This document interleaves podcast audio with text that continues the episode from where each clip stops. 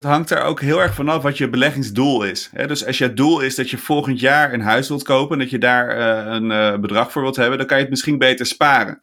Maar als je denkt van mijn doel is dat ik op mijn oude dag over 20 of 30 jaar een mooi bedrag heb als appeltje voor de dorst, dan kan je, uh, dan kan je denk ik rustig blijven inleggen. NPO Radio 1 EO Podcast. Geld of je leven? De vraag van vandaag. Met Sandra Flippen, Sander Heijnen en Hans van der Steeg. Deze vraag komt van Sophie. Sophie zegt: Mijn beleggingsportefeuille bij de bank gaat steeds omlaag. Is het slim uh, om daar elke maand nog geld op te blijven storten? Ja, Sandra die heeft laatst geconstateerd dat ik een hele slechte beleggingsadviseur ben. dus ik geef hem graag aan jou, Sandra. Tot de voordeur, hè?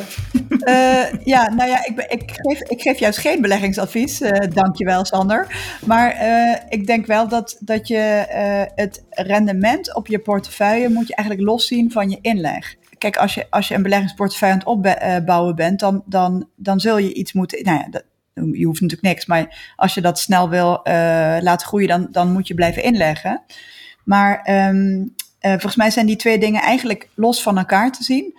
Um, het tweede is dat uh, er vaak wordt gezegd: uh, buy the dip.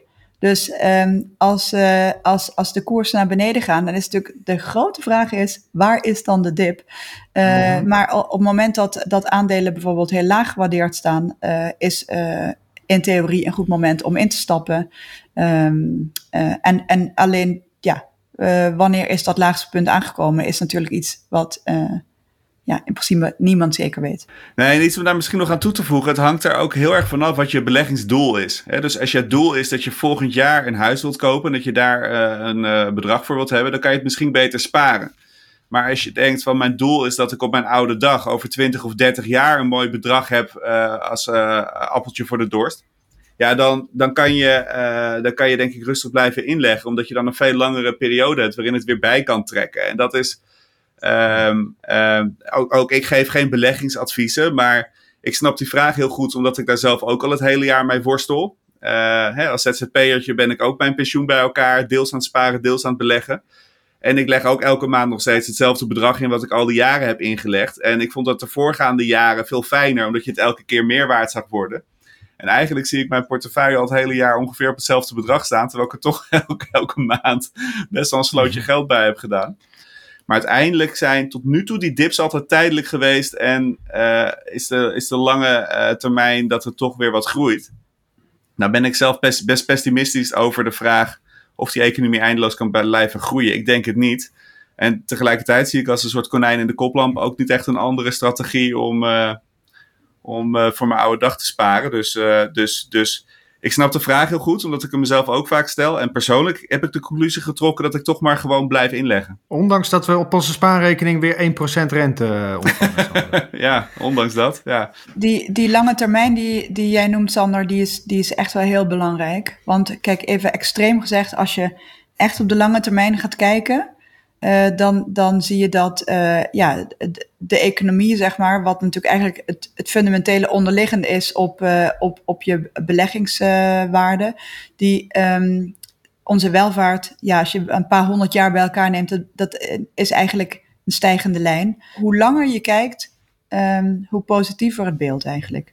Ja, vanuit dit perspectief is het ook goed om geleidelijk in te leggen. Dus stel dat je één keer per jaar je kan beter elke maand 100 euro inleggen dan één keer per jaar 1000 euro. Omdat je uh, het dan beter verspreidt over, de, over de, uh, de, de, pieken en dalen door een jaar heen.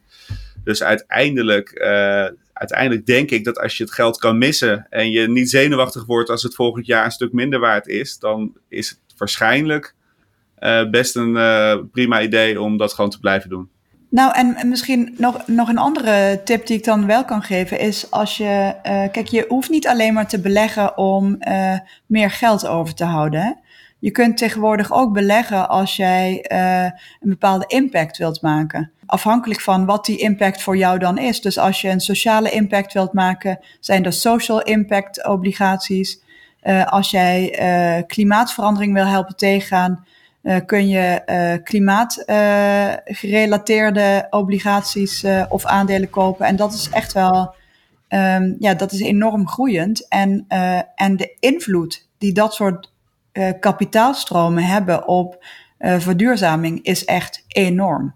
In eerste instantie wil je vooral zelf daar geld mee verdienen. En, en het een sluit het ander ook niet uit. Maar ik, ik denk dat er wel steeds meer redenen worden om, om daar ook keuzes in te maken als, als consument. En dat, weet jij of dat een beetje rendement oplevert, dat soort beleggingen? Want dat, dat, dat zal iedereen toch willen weten, denk ik, in die end. Nou, de afgelopen jaren zeker. Nou, uh, sinds de oorlog uh, eventjes uh, wat minder. Want in de oorlog zijn eigenlijk juist de, de fossiele energieproducenten... die zijn heel winstgevend. Dus dat is eventjes een kleine teleurstelling voor de duurzame beleggers, denk ik, ja. Nog een reden om de oorlog te stoppen zeker. Oké, dank uh, Sander en Sandra weer uh, voor vandaag. Goed, heb jij ook een vraag aan Sander of Sandra? Van allebei natuurlijk, dat kan ook. Uh, mail dan naar podcastradio1.eo.nl. Dit was hem voor vandaag. Morgen weer een nieuwe vraag. NPO Radio 1 EO Podcast.